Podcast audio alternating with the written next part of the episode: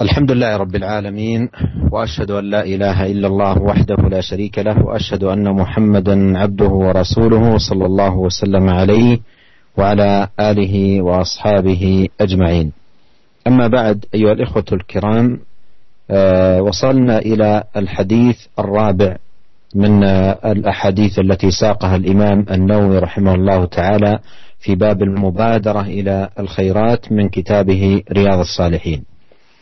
عن أبي هريرة رضي الله عنه قال جاء رجل إلى النبي صلى الله عليه وسلم فقال يا رسول الله أي الصدقة أعظم أجرا؟ قال ان تصدق وأنت صحيح شحيح تخشى الفقر وتأمل الغنى. ولا تمهل حتى إذا بلغت الحلقوم قلت لفلان كذا ولفلان كذا وقد كان لفلان. متفق عليه. قال الحلقوم مجرى النفس. والمريء مجرى الطعام والشراب. هذا الحديث ساقه رحمه الله تعالى لما فيه من دلالة ظاهرة على أهمية المبادرة إلى الخيرات والمسارعه إليها وأن الواجب على العبد أن يبادر إلى الخير لأنه لا يدري ما يعرض له أن يبادر إلى الخير ولا يسوف لأنه لا يدري ما يعرض له. قد يؤجل عملا إلى الغد ولا يكون من أهل الغد. لا يكون من أهل الدنيا في الغد بل يكون من أهل الحياة الآخرة. ولهذا ينبغي على ال ال الإنسان أن أن يسارع ويبادر إلى الأعمال وأن يحذر من التأجيل سواء الصدقة أو العبادات عموما يبادر إليها ولا يؤجل. وقول آه، الرجل في هذا الحديث للنبي عليه الصلاة والسلام أي الصدقة أعظم أجرا؟ هذا فيه دليل على إدراكهم رضي الله عنهم أن الصدقة وكذلك الشان في كل طاعة آه، يتفاوت يتفاوت الأجر ويتفاوت الثواب بحسب أمور تتعلق بذلك العمل وتحتف به. فسأل هذا الصحابي النبي صلى الله عليه وسلم أي الصدقة أعظم اجرا؟ أي الصدقة أعظم اجرا؟ وهذا فيه دليل كما قدمت على التفاوت في الصدقة وأنها ليست على آه، درجة واحدة. فقال عليه الصلاة والسلام ان تصدق وأنت صحيح شحيح. صحيح أي صحيح البدن في صحة وعافية ولا تشكو من آه، علة. وشحيح وهذا أمر يلازم آه، صحة البدن. لأن الإنسان في صحته وفي نشاطه تشح نفسه بالمال. بينما إذا كان مريضا واشتد به المرض فإنه في مثل هذه الحال قد آه، يتصدق وقد ينفق. بخلاف حال الصحة فإنه يصاحبها شيء من الشح إلا من سلمه الله سبحانه وتعالى من ذلك ومن يوق شح نفسه فأولئك هم المفلحون. قال أن تصدق وأنت صحيح شحيح تخشى الفقر وتأمل الغنى. تخشى الفقر وتأمل الغنى. تخشى الفقر أي إن تصدقت وتأمل الغنى وجاء في رواية البقاء. تأمل البقاء أي أن تبقى آه، مدة أطول. بينما الإنسان الذي في المرض وضعه يختلف. في المرض ولا سيما إذا اشتد المرض وضعه مختلف من حيث التعلق بالمال والحرص عليه. قال ولا تمهل. يعني لا تمهل باب الإنفاق والصدقة والبذل والعطاء حتى إذا بلغت الحلقوم أي الروح. حتى إذا بلغت الحلقوم أي الروح.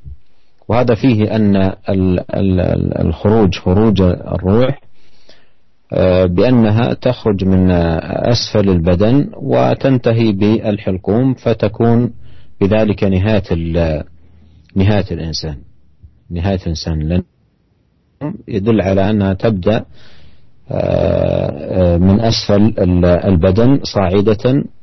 فإذا بلغت الحلقوم أي وصلت الحلقوم يغرغر الإنسان وحينئذ تكون المفارقة آه، لهذه الحياة. قال لا تمهل حتى إذا بلغت آه، الحلقوم أي وصلت إلى اللحظات الأخيرة من حياتك ثم في تلك الحال قلت لفلان كذا ولفلان كذا.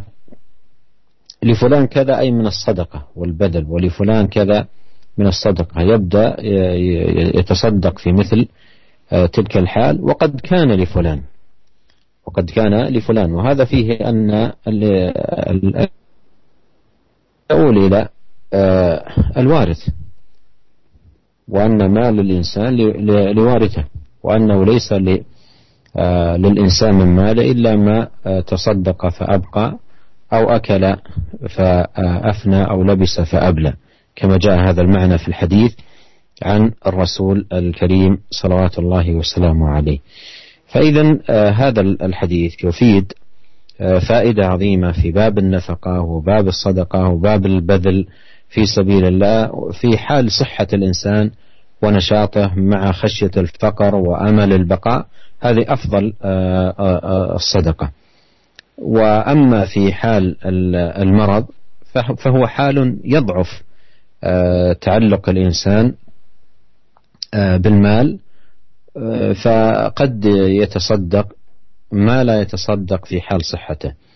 ومما سمعته من أحد الدعاة.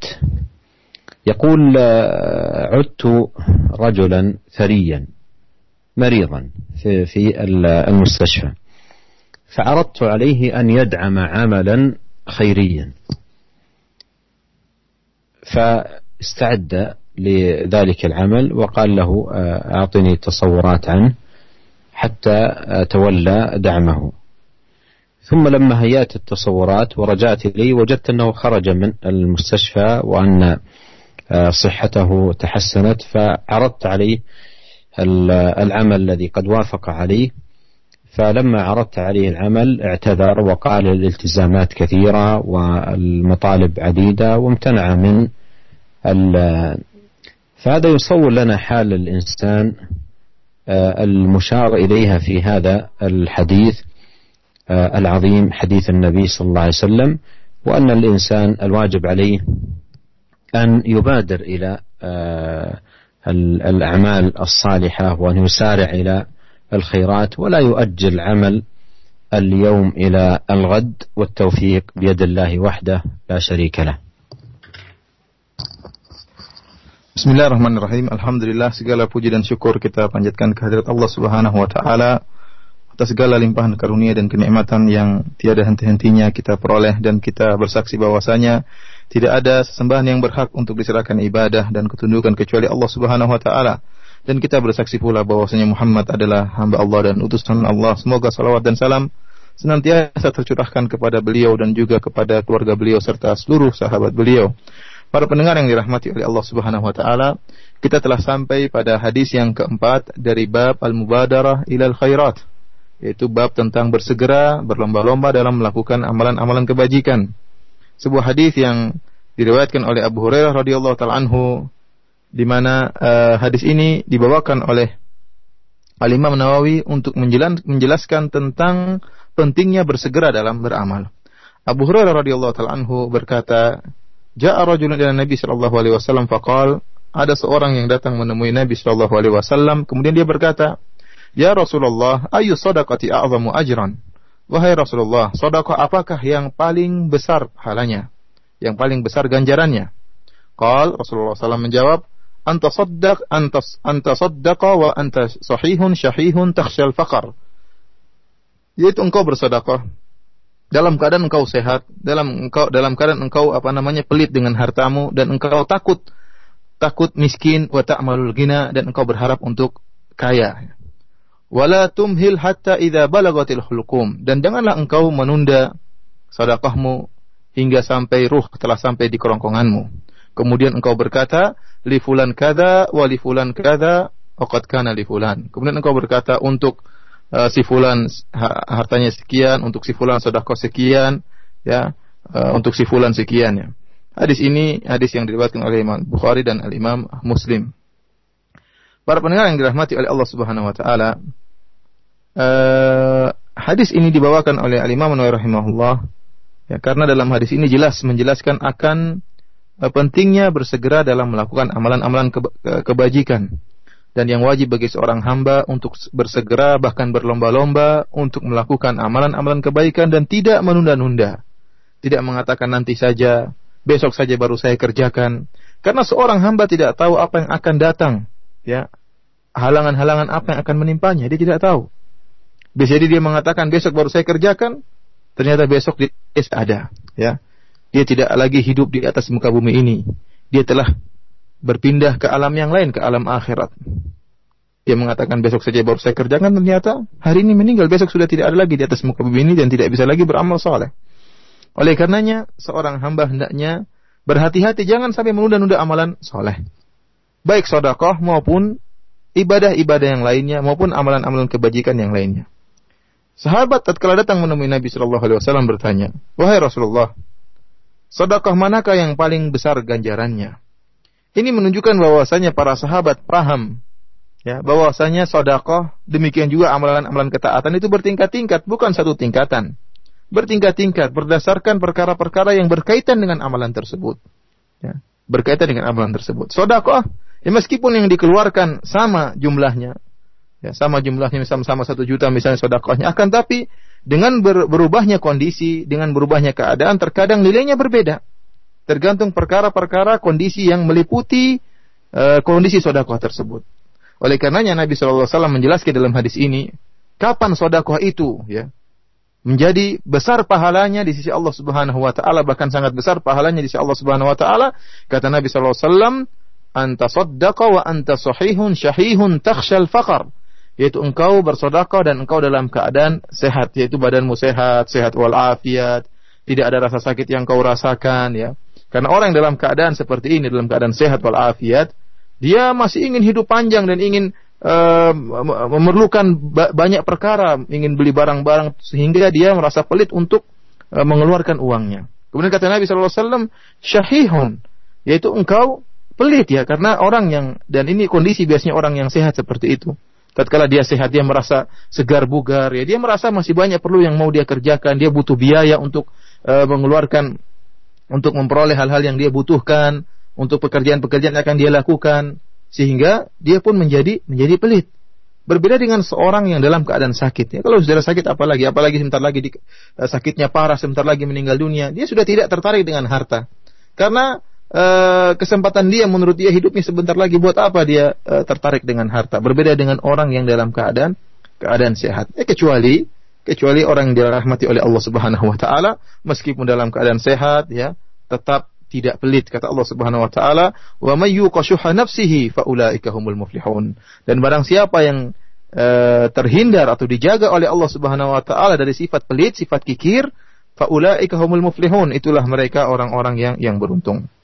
Kemudian kata Allah kata Nabi sallallahu alaihi wasallam wa takhshal faqr wa ta'malul ghina yaitu engkau dalam keadaan sehat, ada rasa pelit dalam hatimu, kemudian engkau takut miskin, artinya apa jika kau bersedekah uangmu sedikit, kau khawatir miskin.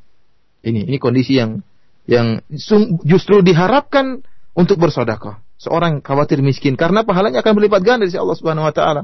Wa ta'malul ghina dan engkau berharap kalau engkau tidak bersedekah engkau akan bisa bisa kaya ya.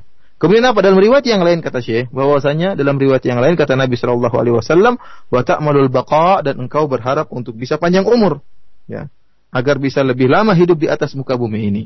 Kondisi seperti ini seorang yang takut miskin dalam keadaan uh, pelit dalam keadaan sehat walafiat merasa akan hidup uh, lama ya. Inilah yang terkadang buat orang sulit untuk mengeluarkan sedekah. Justru pada saat kondisi seperti itu barang siapa yang mengeluarkan sedekah maka pahalanya akan diperbesar, diperlipat gandakan oleh Allah Subhanahu wa taala. Kemudian kata Nabi Shallallahu alaihi wasallam, "Wala tumhil." Ya. Jangan kau tunda-tunda. Artinya apa? Jangan kau tunda-tunda sedekahmu, infakmu, ya. Bersegeralah engkau melakukan kebajikan, pengorbananmu dalam dalam uh, menyumbang misalnya, jangan kau tunda-tunda. Hatta idza balagatil hulqum. Kau tunda-tunda sampai akhirnya tatkala ruh sudah sampai di kerongkonganmu. Baru engkau berkata untuk si fulan sekian, untuk si fulan harta sekian ya. Baru kemudian mengatakan demikian. Ya. Ini dalil bahwasanya ruh itu kalau keluar dari arah bawah tubuh manusia, kemudian berjalan naik ke atas hingga ke kerongkongan manusia. Dan telah jika ruh sudah sampai di kerongkongan manusia, berarti itu adalah e, penghujung dari manusia tersebut. Itulah akhir dari riwayatnya. Tatkala ruhnya sudah sampai di kerongkongan, tatkala sudah masa gorgoroh, ruhnya sudah sampai di kerongkongan, berarti pertanda dia akan segera berpisah dengan kehidupan dunia ini berpindah kepada kehidupan akhirat. Kata Nabi Shallallahu Alaihi Wasallam, jangan kau tunda sodakohmu sampai tatkala engkau sakit mau meninggal dunia baru kau berkah untuk si fulan sekian, untuk si fulan sekian, untuk si fulan sekian. Oleh karenanya para pendengar yang dirahmati oleh Allah Subhanahu wa taala, uh, sodakoh hendaknya dikeluarkan dalam keadaan sehat walafiat dan tidak ditunda-tunda sampai dalam keadaan sakit baru mengeluarkan uh, sodakoh. Para pendengar yang dirahmati oleh Allah Subhanahu wa taala, hadis ini memberikan faedah yang sangat besar ya tentang uh, pentingnya bersodakoh dalam keadaan sehat dan dalam keadaan takut kemiskinan. Dan juga hadis ini ya, menjelaskan tentang bagaimana kondisi manusia.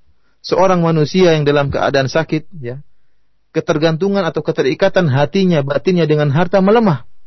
Sehingga terkadang dia kalau dalam keadaan sakit dia bersodakoh dengan sodakoh yang banyak yang tidak akan dia keluar dalam keadaan sehat.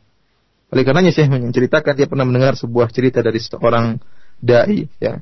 Dia mengatakan dai tersebut, saya pernah mengunjungi seorang yang kaya raya di rumah sakit dalam keadaan sakit.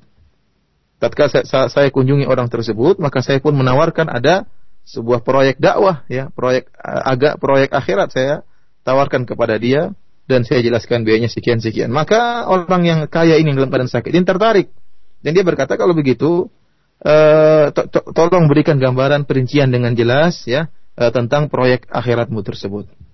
Akhirnya kata dai ini saya pun pulang dan saya siapkan. Saya siapkan segalanya, ya proposalnya saya siapkan, Kemudian setelah itu saya kembali ingin bertemu dengan orang yang kaya ini. Ternyata orang kaya ini sudah sembuh, sudah tidak sakit lagi. Akhirnya saya beritahukan kepada dia, inilah proposal proyek akhirat saya, saya ajukan kepada Anda.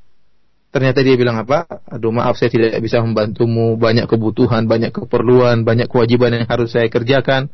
Subhanallah tadi waktu dalam keadaan sakit, dia siap untuk memberi sumbangan, akan tetapi tatkala dalam keadaan sehat, ya kembali lagi hatinya terikat dengan dunia sehingga tidak memberi memberi sumbangan. Demikianlah ya kondisi manusia ya tatkala dalam keadaan sehat walafiat enggan untuk bersedekah namun tatkala dalam keadaan sakit semangat untuk bersedekah oleh karenanya wajib bagi kita untuk berusaha segera beramal soleh bahkan berlomba-lomba untuk melaksanakan kebajikan-kebajikan dan jangan kita tunda amalan-amalan kebajikan kita baik sedekah maupun yang lain dan semoga Allah memberikan taufiknya kepada kita semua. ثم أورد الإمام النووي رحمه الله تعالى حديث أنس رضي الله عنه أن رسول الله صلى الله عليه وسلم أخذ سيفا يوم أحد فقال من يأخذ مني هذا؟ فبسطوا أيديهم. كل إنسان منهم يقول أنا أنا. قال فمن يأخذه بحقه؟ فأحجم القوم. فقال أبو دجانة رضي الله عنه أنا آخذه بحقه. فأخذه ففلق به هام المشركين رواه مسلم. قال رحمه الله اسم أبي دجانة سماك بن خرشة قوله أحجم القوم أي توقفوا. وفلق به أي شق هام المشركين أي رؤوسهم. هذا الحديث هو من جملة الأحاديث الدالة على المسارعة للخيرات.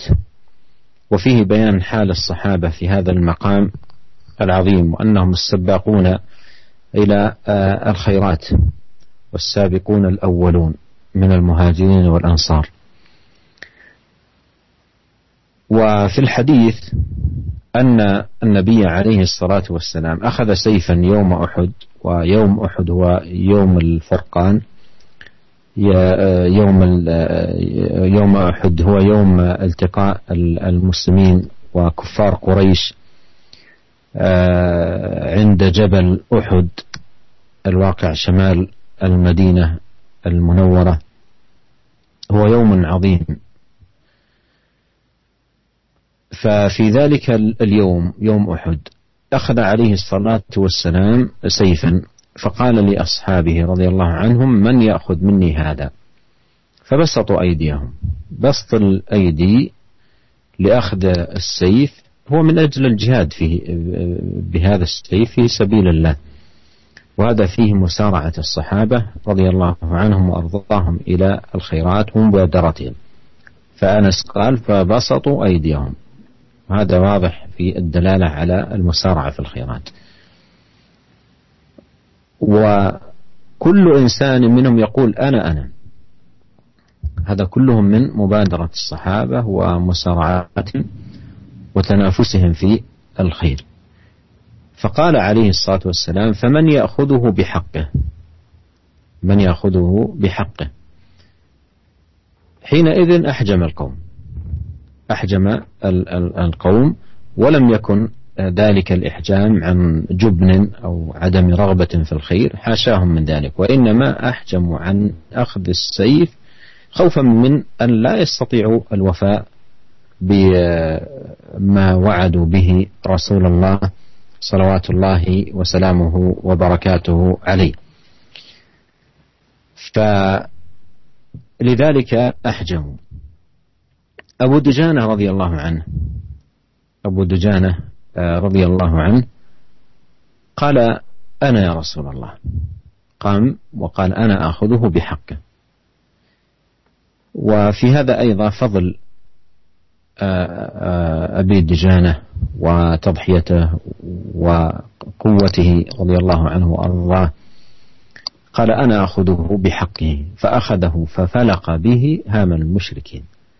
فلق به هام المشركين أي شق به رؤوس المشركين أي أنه أبلى بلاء حسنا وبذل جهدا عظيما وتضحية بالغة.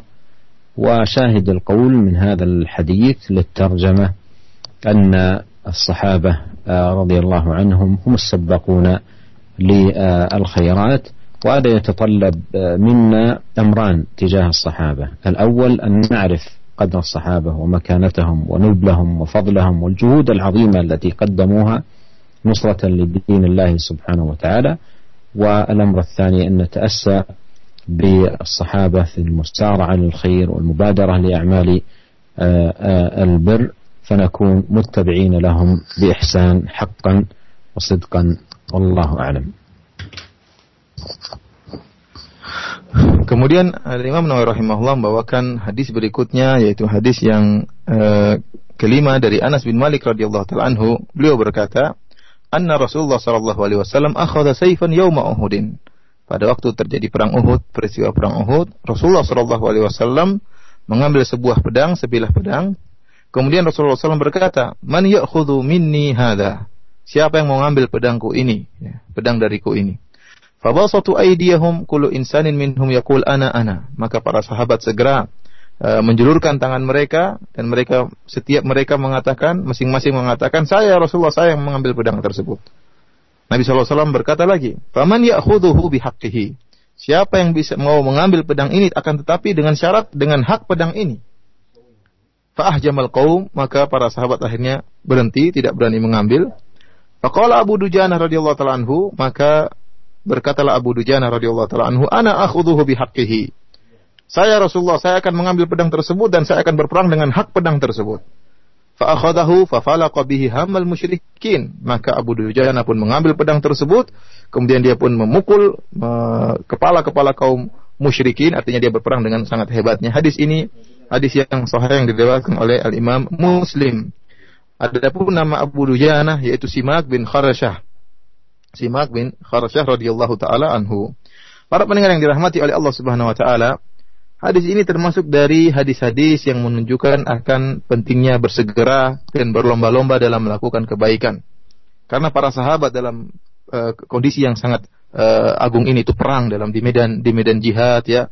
Mereka uh, benar-benar berlomba-lomba di antara mereka, bersegera melakukan melakukan kebaikan. Allah mengatakan wasabiqunal awwalu minal wasabiqunal awwaluna minal muhajirin wal ansar. Kata Allah Subhanahu wa taala, Mereka adalah para sahabat orang-orang yang pertama kali ya masuk dalam Islam dari kalangan muhajirin dan ansar. Mereka yang pertama kali masuk Islam dan mereka juga yang paling semangat bersegera untuk melakukan amalan-amalan kebajikan. Sehingga tatkala terjadi peristiwa perang Uhud, hari di mana bertemunya dua pasukan perang yang satu berperang di jalan Allah Subhanahu wa taala, yang satu berperang di jalan syaitan, ya, kaum musyrikin dan kaum muslimin e, bertempur di sebuah tempat di dekat dengan di samping Jabal Uhud, yaitu di daerah utara kota Madinah.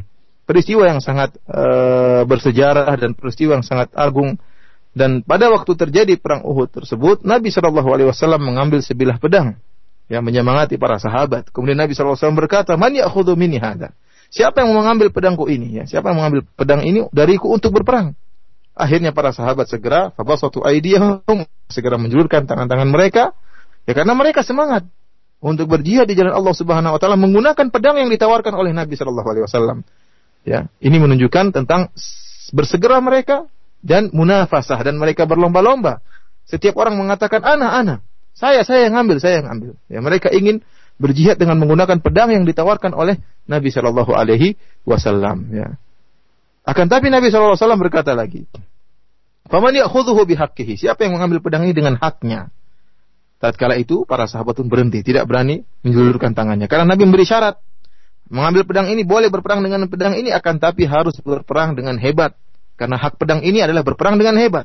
Maka para sahabat pun berhenti. Bukan karena mereka takut, Bukan karena mereka takut berperang, karena mereka memang ingin mati, ingin mati dalam medan pertempuran, akan tetapi karena mereka takut tidak bisa memenuhi persyaratan yang diberikan oleh Nabi Shallallahu Alaihi Wasallam. Oleh karenanya mereka menahan diri untuk mengambil pedang tersebut. Maka datanglah Abu Dujana radhiyallahu taala anhu Simak bin Kharsyah. Kata Abu Dujana radhiyallahu taala anhu, "Ana akhudhuhu bihaqqihi." Wahai Rasulullah, saya yang akan mengambil pedang itu dengan haknya. Ya. Maka Rasulullah SAW memberikan pedang tersebut kepada Abu Dujana. Kemudian Abu Dujana radhiyallahu taala anhu pun berperang dengan begitu hebat hebatnya. Fa'akhadahu fafalaqa bihi hamal musyrikin. Maka dia pun mengambil pedang tersebut kemudian dia potong kepala-kepala kaum musyrikin yang menunjukkan dia hebat dalam pertempurannya. Ya, hebat dalam pertempuran melawan kaum musyrikin. Dan ini menunjukkan akan fadl keutamaan Abu Dujana radhiyallahu taala anhu dan bagaimana hebatnya beliau radhiyallahu taala anhu dalam dalam berperang. Yang jadi inti dalam hadis ini yaitu tentang sifat para sahabat. Yang mereka adalah sabakun, mereka adalah orang-orang yang bersegera melakukan kebaikan. Tatkala Nabi SAW menawarkan pedang untuk berjihad, maka mereka semua mengatakan, saya yang Rasulullah, saya Rasulullah akan berperang dengan dengan pedang tersebut. Dan ini dari sini kita uh, mengetahui tentang keutamaan para sahabat, tentang manzilahnya para sahabat, dan bagaimana pengorbanan yang mereka telah uh, keluarkan ya pengorbanan yang begitu luar biasa mereka berkorban dengan jiwa dan harta mereka untuk Islam dan kaum muslimin. Kita harus mengenal kedudukan mereka. Yang kedua ya setelah kita mengenal kedudukan para sahabat maka hendaknya kita mengikuti mereka. Kita bertaasi meneladani menjadikan mereka sebagai uswah terutama dalam bersegera dalam kebaikan. Dan jika kita sudah meneladani para sahabat, maka mudah-mudahan kita termasuk dari orang-orang yang disebut oleh Allah Subhanahu wa taala walladzina tabauhum bi ihsan, yaitu orang-orang yang dipuji oleh Allah, yaitu orang-orang yang mengikuti para sahabat dengan cara yang baik. Kalau kita mengikuti sifat-sifat sahabat, maka mudah-mudahan kita termasuk dalam orang-orang yang dipuji oleh Allah tersebut. ثم أورد الإمام النووي رحمه الله تعالى حديث الزبير بن عدي قال أتينا أنس بن مالك فشكونا إليه ما نلقى من الحجاج. فقال اصبروا فإنه لا يأتي عليكم زمان إلا والذي بعده شر منه حتى تلقوا ربكم. سمعته من نبيكم صلى الله عليه وسلم رواه البخاري. هذا الحديث فيه الصبر على ولاة الجور والظلم. كما قال أنس اصبروا. وفي الحديث اصبروا حتى يستراح من بر حتى يستريح بر أو يستراح من فاجر. ففيه الصبر على الولاة ولاة الأمور إن ظلموا وإن جاروا وأن يؤدي المسلم الذي له ويسأل الله تبارك وتعالى الذي عليه. وقوله لا يأتي عليكم زمان إلا والذي بعده شر منه حتى تلقوا ربكم. فيه أن الناس في كل عام يرذلون وأن الفتن تقبل على الناس في فتنة تلو الأخرى وأن الواجب على المسلم أن يبادر للخيرات وأن يسارع للطاعات حتى تكون بإذن الله عصمة له في الفتن ونجاة من الهلكة. ومن حفظ الله عز وجل حفظه الله تبارك وتعالى. ومن فوائد هذا الحديث المسارعة على الخيرات والمبادرة إليها وتعويد النفس على القيام بها والمحافظة عليها حتى تكون سببا لعافية العبد وسلامته في دنيا أخرى. وكذلك من فوائد هذا الحديث أهمية الرجوع إلى العلماء الربانيين. فهؤلاء جاءوا إلى إلى أنس بن مالك رضي الله عنه فشكوا إليه ما يلقونه من الحجاج أي من ظلم وجور. فقال اصبروا فالرد في الشدائد والنوازل إنما يكون للعلماء الراسخين المتمكنين الذين يكون توجيههم ودلالتهم للناس في ضوء كلام الله وكلام رسوله عليه الصلاة والسلام. ولهذا لما وجههم رضي الله عنه وأرضاه لم يوجههم بشيء من قبل نفسه وإنما أمرهم بالصبر وأخبر أنه لا يأتي على الناس زمان إلا والذي بعده.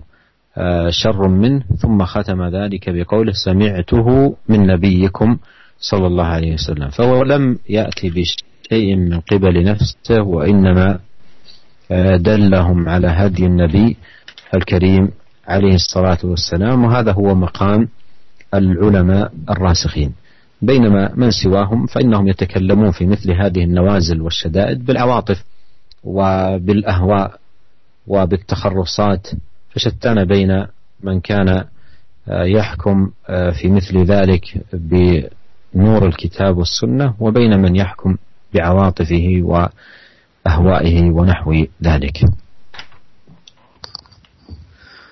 Para pendengar yang dirahmati oleh Allah Subhanahu wa taala, kemudian Al Imam Nawawi rahimahullah membawakan hadis berikutnya, hadis yang keenam dari Az-Zubair bin Adi, dia berkata, Ataina Anas bin Malik radhiyallahu anhu fasyakawna ilaihi ma nalqa minal hajjaj. Kami mendatangi Anas bin Malik radhiyallahu anhu dan kami mengeluhkan tentang uh, apa gangguan yang kami dapatkan dari Hajjaj. Hajjaj yaitu yang uh, sangat bengis dan suka membunuh orang tatkala itu. Uh, faqala maka Anas bin Malik radhiyallahu taala anhu berkata, "Isbiru fa innahu la ya'ti 'alaikum zamanun illa walladhi ba'dahu syarrun minhu." Bersabarlah kalian Sungguhnya tidaklah ada satu zaman yang datang kepada kalian kecuali yang datang setelahnya lebih buruk dari darinya. Hatta talqau rabbakum sampai kalian bertemu dengan Rabb kalian. Sami'tuhu min nabiyyikum. Ini saya dengarkan langsung dari Nabi sallallahu alaihi wasallam nabi kalian. Hadis ini hadis yang sahih yang diriwayatkan oleh Imam Al-Bukhari. Hadis ini menjelaskan kepada kita tentang bersabar atas uh, gangguan yang yang muncul dari pemerintah atau penguasa yang zalim, ya, pemerintah yang melakukan kelaliman, ya. Oleh karenanya Anas radhiyallahu taala anhu mengatakan isbiru, hendaknya kalian bersabar. Ya, kalian bersabar sampai uh, kondisi dirubah oleh Allah Subhanahu wa taala, ya. Entah yang Fajr tadi uh, akhirnya meninggal dunia sehingga seorang yang baik akan akan beristirahat dari gangguan-gangguan dari orang Fajr tersebut, dari pemerintah yang zalim tersebut. Meskipun mereka berbuat zalim, meskipun mereka berbuat kelaliman, ya. Yang wajib bagi seorang muslim sebagai rakyat untuk melakukan kewajibannya. Apa yang wajib bagi dia ditunaikan, adapun hak dia dia minta kepada Allah Subhanahu wa taala. Jika haknya tidak diberikan oleh eh, pemerintah dan penguasa, maka dia minta kepada Allah Subhanahu wa taala. Adapun hak kewajiban dia harus dia tunaikan. Dalam hadis ini Anas radhiyallahu taala menyebutkan tentang sabda Nabi sallallahu alaihi wasallam tidaklah datang suatu zaman kecuali zaman yang setelahnya lebih buruk daripada sebelumnya. Menunjukkan bahwasanya akan terus datang fitnah. Fitnah datang silih berganti. Ya. Semakin tahun semakin parah dan wajib bagi seorang muslim untuk bertakwa kepada Allah Subhanahu wa taala dan segera melakukan amalan kebajikan jika timbul fitnah-fitnah. Inilah faedah dari hadis ini yaitu kita harus bersiap siaga menghadapi zaman yang setiap tahun semakin parah dan semakin parah. Dengan apa? Dengan menjalankan perintah Allah Subhanahu wa taala, bahkan bersegera untuk melaksanakan perintah-perintah Allah Subhanahu wa taala agar amalan yang kita lakukan tersebut menjaga kita dari fitnah, menjaga kita dari bahayanya fitnah. Karena barang siapa yang menjaga Allah Subhanahu wa taala, hafizahullah. Barang siapa yang menjaga Allah, maka Allah akan menjaga menjaga dia. Para pendengar yang dirahmati oleh Allah Subhanahu wa taala, oleh karenanya hadis ini mengisyaratkan tentang pentingnya bersegera dalam beramal soleh terutama di masa-masa fitnah. Karena dengan bersegera melaksanakan amalan-amalan soleh tersebut, ya, seorang akan tersibukkan dengan amalan soleh dan terhindar diri dari fitnah. Bahkan Allah Subhanahu Wa Taala akan akan menjaga dirinya dari bahaya fitnah tersebut. Kemudian hadis ini juga memberikan faedah tentang pentingnya kembali kepada para ulama. Lihatlah mereka dalam hadis ini, tatkala mereka mendapati gangguan dari pemerintah yang zalim, Hajjaj bin Yusuf ya, yang terkenal sangat bengis, mereka kembali ke Anas bin Malik radhiyallahu taala anhu. Para ulama yang rabbaniyin dan mereka minta nasihat kepada Anas bin Malik radhiyallahu taala anhu. Kemudian Anas bin Malik menasihati mereka dengan berkata, "Isbiru, bersabarlah kalian." Oleh karenanya dalam kondisi-kondisi yang genting, dalam timbulnya fitnah-fitnah, maka kita hendaknya bertanya kepada para ulama yang ilmu mereka rasih, ilmu mereka kokoh. Karena mereka perkataan para ulama adalah perkataan nasihat mereka dibangun di atas cahaya Al-Quran dan Sunnah Nabi Shallallahu Alaihi Wasallam. Oleh karenanya dalam hadis ini Anas bin Malik radhiyallahu taala anhu tidak menasihati mereka dengan hawa nafsunya, tidak menasihati mereka dengan perasaan, akan tapi dia menasihati dengan Sunnah Nabi Shallallahu Alaihi Wasallam. Dia mengatakan, la ya'ti isbiru, la ya'ti alaikum zamanun illa walladhi ba'dahu syarran minhu. Dia mengatakan bersabarlah kalian karena sungguhnya tidak datang suatu zaman kepada kalian kecuali setelahnya lebih baik daripada zaman tersebut. Hatta talqaw rabbakum sampai kalian bertemu dengan Rabb kalian. Kemudian kata Anas bin Malik radhiyallahu taala anhu, "Sami'tuhu min nabiyyukum." Aku telah mendengar nasihat ini dari nabi kalian, Muhammad sallallahu alaihi wasallam. Hal ini tentunya berbeda dengan sebagian orang yang memiliki semangat akan tapi berfatwa secara ngawur dalam kondisi-kondisi yang genting yang dialami oleh kaum muslimin. Ada yang berfatwa dengan perasaannya, ada yang berfatwa dengan hawa nafsunya, ada yang berfatwa dengan eh, perkiraan-perkiraan ya, dengan ramalan-ramalan dan yang lainnya. Tentunya berbeda antara dua kondisi. Kondisi para ulama yang mereka berfatwa dengan cahaya hadis dan uh, sunnah Nabi Shallallahu Alaihi Wasallam berbeda dengan mereka yang berfatwa hanya dengan perasaan dan uh, hawa nafsu mereka. ثم أورد الإمام النووي رحمه الله حديث أبي هريرة رضي الله عنه أن رسول الله صلى الله عليه وسلم قال بادروا بالأعمال سبعا هل تنتظرون إلا فقرا منسيا أو غنى مطغيا أو مرضا مفسدا أو هرما مفندا أو موتا مجهزا أو الدجال فشر غائب ينتظر أو الساعة فالساعة أدهى وأمر رواه الترمذي وقال حديث حسن. ولبعض أهل العلم كلام في هذا الحديث من حيث آه، الإسناد. والحديث نص في المبادرة بالأعمال والمسارعة إليها لأن الإنسان لا يدري ما يعرض له من شواغل وصوارف فقد يشغل بالفقر. قد يكون غنيا ثم يفتقر فينشغل بفقره فينسى العمل وينسى آه، الطاعة والعبادة. وقد يكون يصاب بغنى يطغيه كلا إن الإنسان لا يطغى أن رآه استغنى. فقد يصاب بغنى يطغى بسببه. أو يصاب بمرض يفسد عليه آه، عمله وجده ونشاطه. أو يصاب بهرم آه، مفند يوقع الإنسان في الفند وهو الكلام الذي آه، المنحرف والكلام غير الصحيح. أو موتا مجهزا يجهز عليه فيأتيه موت عاجل وموت سريع فيفارق هذه الحياة. أو الدجال وهو شر غائب ينتظر ففتنته أعظم آه، الفتن. أو قيام الساعة والساعة أدهى وأمر. إذا هذه عوارض سبعة ذكرها النبي عليه الصلاة والسلام. تذكرها يتطلب من العبد أن يبادر للخيرات وأن يسارع للخيرات لأنه لا يدري ما يعرض له. والنبي صلى الله عليه وسلم ذكر في هذا الحديث سبعة عوارض للإنسان تقطعه عن العمل والطاعة والعبادة. فينبغي على العبد أن يكون مبادرا ومسارعا للخيرات Kemudian Al-Imam rahimahullah membawakan hadis berikutnya dari Abu Hurairah radhiyallahu taala anhu eh, di mana eh, Rasulullah sallallahu alaihi wasallam bersabda, "Badiru bil a'mali sab'an." Hendaknya kalian bersegera melaksanakan amalan-amalan soleh sebelum datang tujuh perkara. Hal tantadziruna illa faqran munsian? Apakah kalian menanti datangnya kemiskinan yang melupakan kalian? Auginan mutghian atau kekayaan yang akhirnya melupakan kalian, ya, membuat kalian uh, buta mata, amaradan mufsidan atau penyakit yang bisa merusak tubuh kalian, au haraman mufnidan atau uh, tua yang akhirnya membuat kalian pikun berbicara tidak uh, tidak teratur dan sembarangan, au maut, mautan mujhizan atau kematian yang datang dengan segera, au dajjal fasyarru ghaibin yuntazar atau kalian menunggu datangnya dajjal dan dia merupakan keburukan yang sangat uh, yang sangat buruk yang di, di akan datang. Awis sa'ata fasa'atu ada hawa amar atau kalian menunggu datangnya hari kiamat dan hari kiamat lebih uh, bahaya dan lebih uh, memilukannya. Hadis ini hadis yang diriwayatkan oleh Imam Tirmidzi dan dia berkata hadisun hasan. Syekh menjelaskan bahwasanya hadis ini sebagian ulama membicarakan tentang hadis ini dari sisi sanatnya, ya.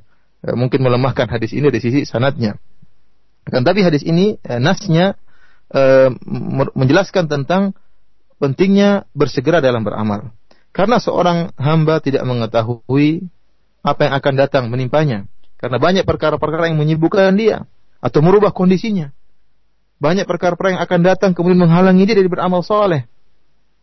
Oleh karenanya Rasulullah SAW menyebutkan perkara-perkara di antara perkara-perkara yang bisa memalingkan seorang hamba dari beramal soleh atau perkara-perkara yang bisa uh, memalingkan dan menyibukkan hamba sehingga tidak sempat untuk bisa melaksanakan amalan soleh. Di antaranya Rasulullah SAW menyebutkan tentang kemiskinan.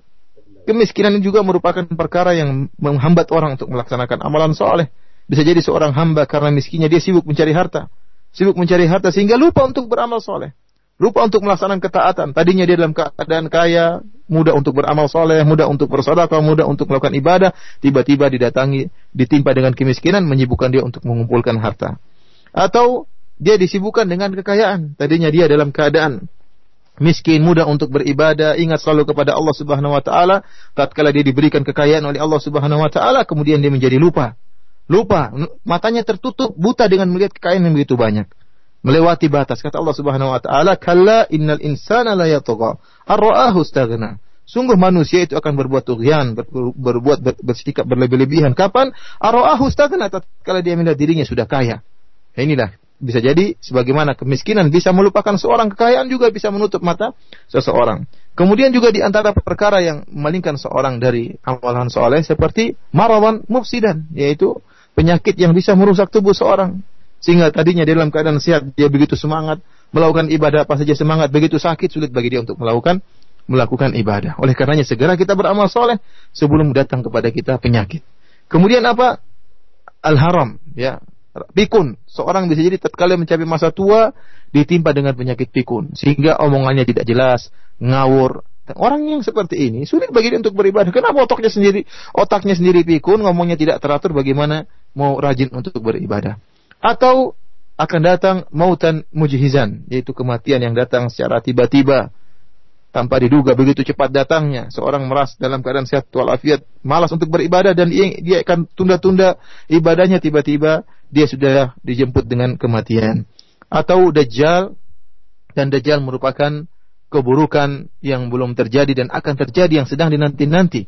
Akan datang dajjal. Ya kalau sudah datang dajjal sulit bagi kita juga untuk beramal saleh dan kemudian yang terakhir adalah hari kiamat dan perkaranya lebih parah dan lebih berbahaya. Jika sudah tiba hari kiamat maka sama sekali tidak ada kesempatan untuk bisa uh, beramal soleh lagi. Para pendengar yang dirahmati oleh Allah Subhanahu wa taala, inilah tujuh perkara yang disebutkan oleh Nabi Shallallahu alaihi wasallam yang bisa menghalangi seorang dari beramal soleh. Barang siapa yang mengingat dan merenungkan tentang tujuh perkara ini, tentunya dia sadar bahwasanya dia harus segera beramal soleh sebelum ditimpa dengan tujuh perkara ini. Karena seorang hamba tidak tahu mana di antara tujuh perkara ini akan datang menimpa dia. Apakah tiba-tiba dia miskin? Apakah tiba-tiba dia kaya membuat dia lupa? Apakah dia kemudian tua? Apakah dia kemudian tiba-tiba meninggal? Atau datang dajjal? Atau tiba-tiba hari kiamat? Seluruhnya ini mengharuskan seorang hamba untuk bersegera dalam beramal saleh. ثم ختم الإمام النووي رحمه الله هذه الترجمة بحديث أبي هريرة أن رسول الله صلى الله عليه وسلم قال يوم خيبر لأعطين هذه الراية رجلا يحب الله ورسوله. يفتح الله على يديه. قال عمر ما أحببت الإمارة إلا يومئذ فتساورت لها رجاء أن أدعى لها. فدعا رسول رسول الله صلى الله عليه وسلم علي بن أبي طالب رضي الله عنه فأعطاه إياها. وقال امشي ولا تلتفت حتى يفتح الله عليك. فسار شيئا ثم وقف ولم يلتفت. فصرخ يا رسول الله على ماذا أقاتل الناس؟ قال قاتلهم حتى يشهدوا أن لا إله إلا الله وأن محمدا رسول الله. فإذا فعلوا ذلك فقد منعوا منك دماءهم وأموالهم إلا بحقها وحسابهم على الله. رواه مسلم. آه، قال فتساورت هو بالسين المهملة أي وثبت متطلعا.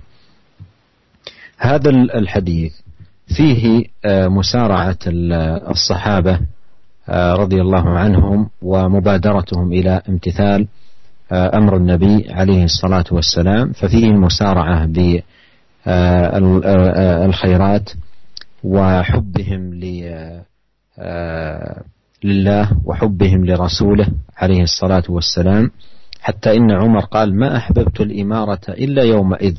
لأن النبي صلى الله عليه وسلم وصف آه، من يعطى الراية بهذه الصفة العظيمة يحب الله ورسوله ويحبه الله ورسوله كما جاء في بعض آه، الروايات. فتساورت لها رجاء أن أدعى لها. ليس حبا آه، في الإمارة لذاتها وإنما رغبة في هذا الوصف العظيم الذي ذكره النبي عليه الصلاة والسلام. أيضا التزام الصحابة رضي الله عنهم بوصايا النبي عليه الصلاة والسلام وتقيدهم بما يأمرهم به. فلما قال للنبي عليه الصلاة والسلام امشي ولا تلتفت مشى رضي الله عنه ولم يلتفت. ولما احتاج إلى أن يسأل عن شيء سأل دون التفات. كل ذلكم استجابة لما دعا إليه النبي الكريم صلوات الله وسلامه عليه. وبهذا يكون آه، ختم آه، الإمام النووي رحمه الله تعالى هذه الترجمة العظيمة المبادرة إلى آه، الخيرات والذي ينبغي أن يكون عليه المسلم هو المسارعة والمبادرة إلى الخيرات والمرء لا يدري ما يعرض له. نسأل الله عز وجل أن يوفقنا لاغتنام الخيرات والمسارعة إليها وأن يهدينا إليه صراطا مستقيما إنه سميع قريب مجير Kemudian Al Imam rahimahullah membawakan hadis yang terakhir dalam bab ini bab bersegera dan berlomba-lomba dalam beramal saleh yaitu bahwasanya Rasulullah sallallahu alaihi wasallam tatkala uh, peristiwa perang Khaybar Rasulullah SAW mengatakan la utiyanna hadhihi rayata rayata rajulan yuhibbullah wa rasulah sungguh aku akan memberikan uh, bendera peperangan ini kepada seorang yang cinta kepada Allah dan Rasulnya dan Allah Subhanahu wa taala akan memenangkan peperangan karenanya. Yaftahullahu ala yadayhi. Allah akan memenangkan peperangan peperangan dengan tangannya. Maka Umar bin Khattab radhiyallahu taala anhu tatkala mendengar sabda Nabi sallallahu alaihi wasallam ini dia mengatakan, "Ma ahbabtul imarata ila yauma idzin." Sama sekali saya tidak pernah uh, ingin untuk jadi pemimpin kecuali pada hari tersebut.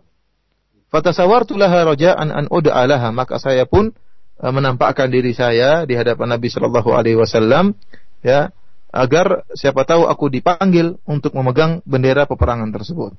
Akan tapi Rasulullah Shallallahu Alaihi Wasallam ternyata memanggil Ali bin Abi Thalib radhiyallahu anhu. Kemudian Rasulullah Shallallahu Alaihi Wasallam memberikan bendera peperangan tersebut, bendera kepemimpinan tersebut kepada Ali bin Abi Thalib. Kemudian Rasulullah SAW berkata, Imshi wala taltafit hatta yaftahullah alaik. Berjalanlah engkau dan jangan kau berpaling sampai Allah memenangkan uh, peperangan dengan dengan sebab engkau. Maka berjalanlah Ali radhiyallahu taala anhu memegang bendera tersebut berjalan syai'an berjalan sebentar. Summa waqafa wa lam yaltafit. Kemudian Ali pun berhenti dan tidak berpaling.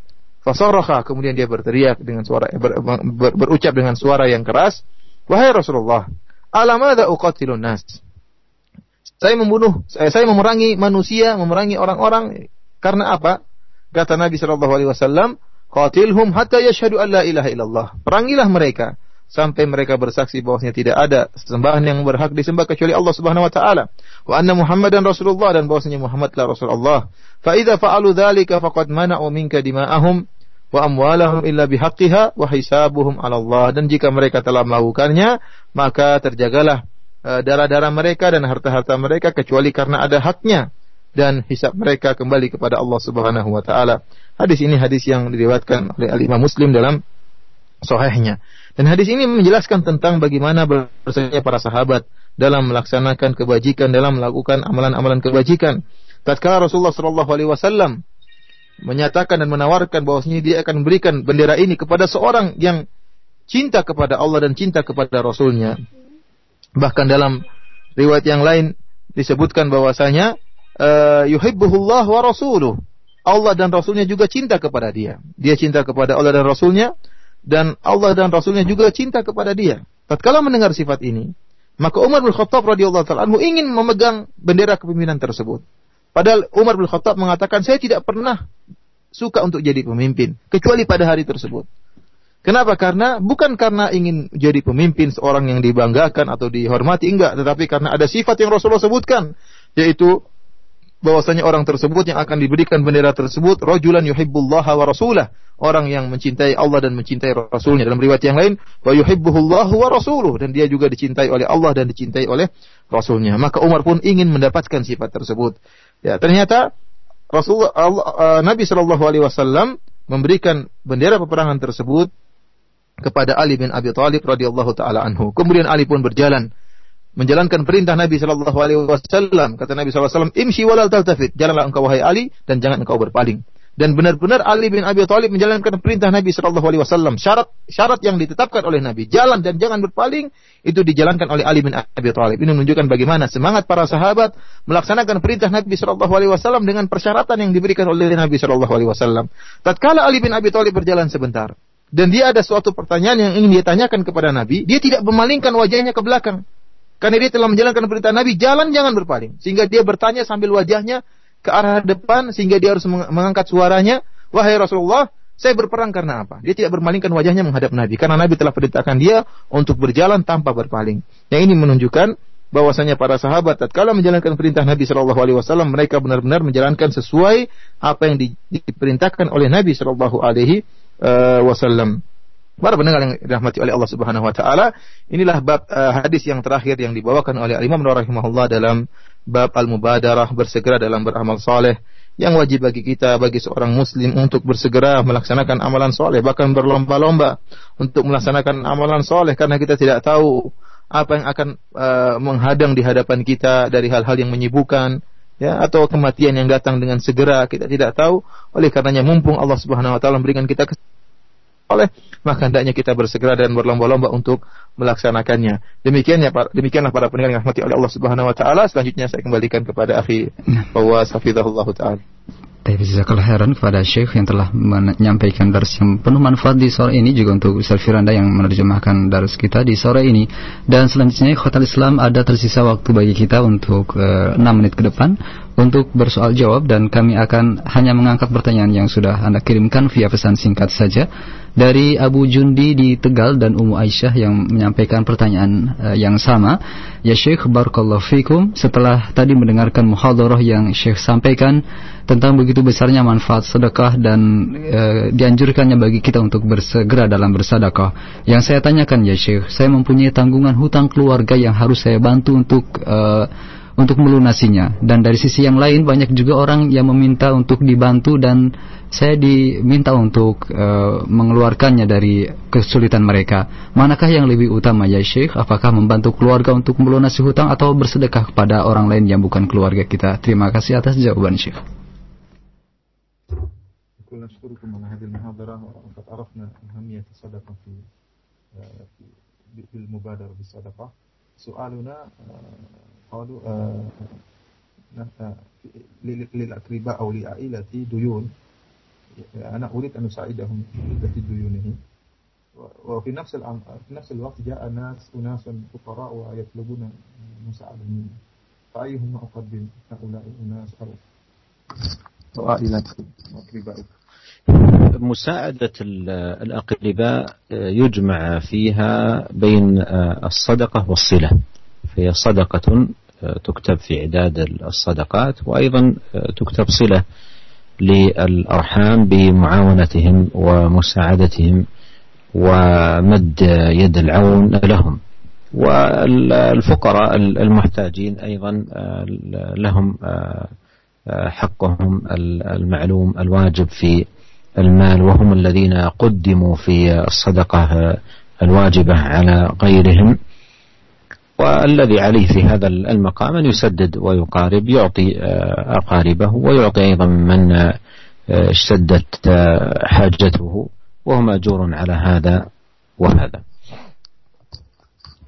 Uh, saya menjelaskan bahwasanya membantu keluarga atau kerabat ya dengan memberi sedekah kepada mereka untuk melunasi hutang-hutang hutang-hutang mereka maka uh, terkumpul pada amalan tersebut dua kebaikan pertama kebaikan sedekah yang kedua kebaikan silaturahmi ya seorang yang membantu keluarganya atau membantu kerabatnya maka dia akan peroleh dua kebaikan kebaikan sedekah dan kebaikan silatu silaturahmi uh, demikian juga para fukara, orang-orang miskin yang mereka sangat uh, butuh uh, dengan bantuan dan mereka punya hak untuk dibantu dan mereka didahulukan daripada yang lainnya ya.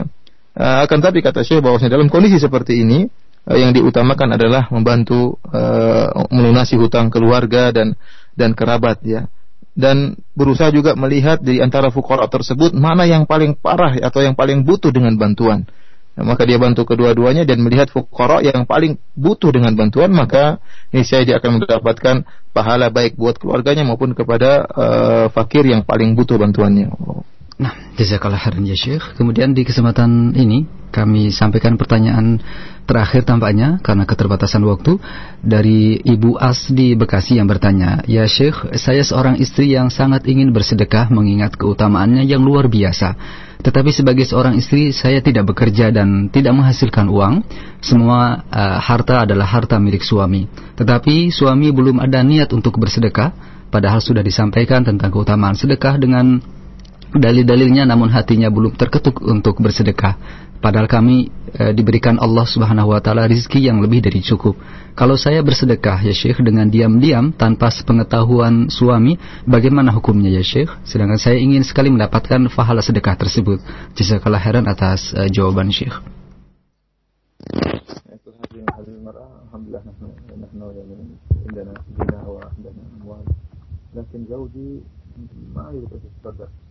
وأنا أريد أتصدق وقد بينت لزوجي فضل الصدقة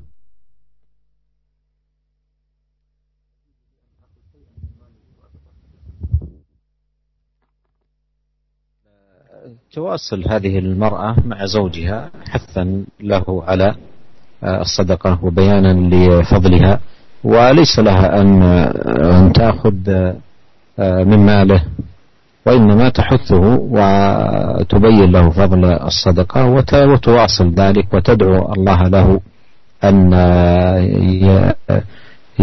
يشرح صدره وأن ييسر له ذلك وأن يقيه شح نفسه. وبالبيان والنصح والتوجيه وذكر الفضائل لعل حاله تتغير بإذن الله عز وجل.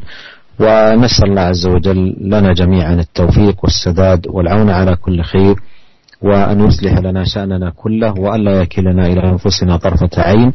إنه سميع الدعاء وهو أهل الرجاء وهو حسبنا ونعم الوكيل. والله أعلم وصلى الله وسلم على عبده ورسوله نبينا محمد وآله وصحبه أجمعين. والسلام عليكم ورحمة الله وبركاته. وعليكم السلام ورحمة الله وبركاته. جزاك الله خيرا يا شيخ.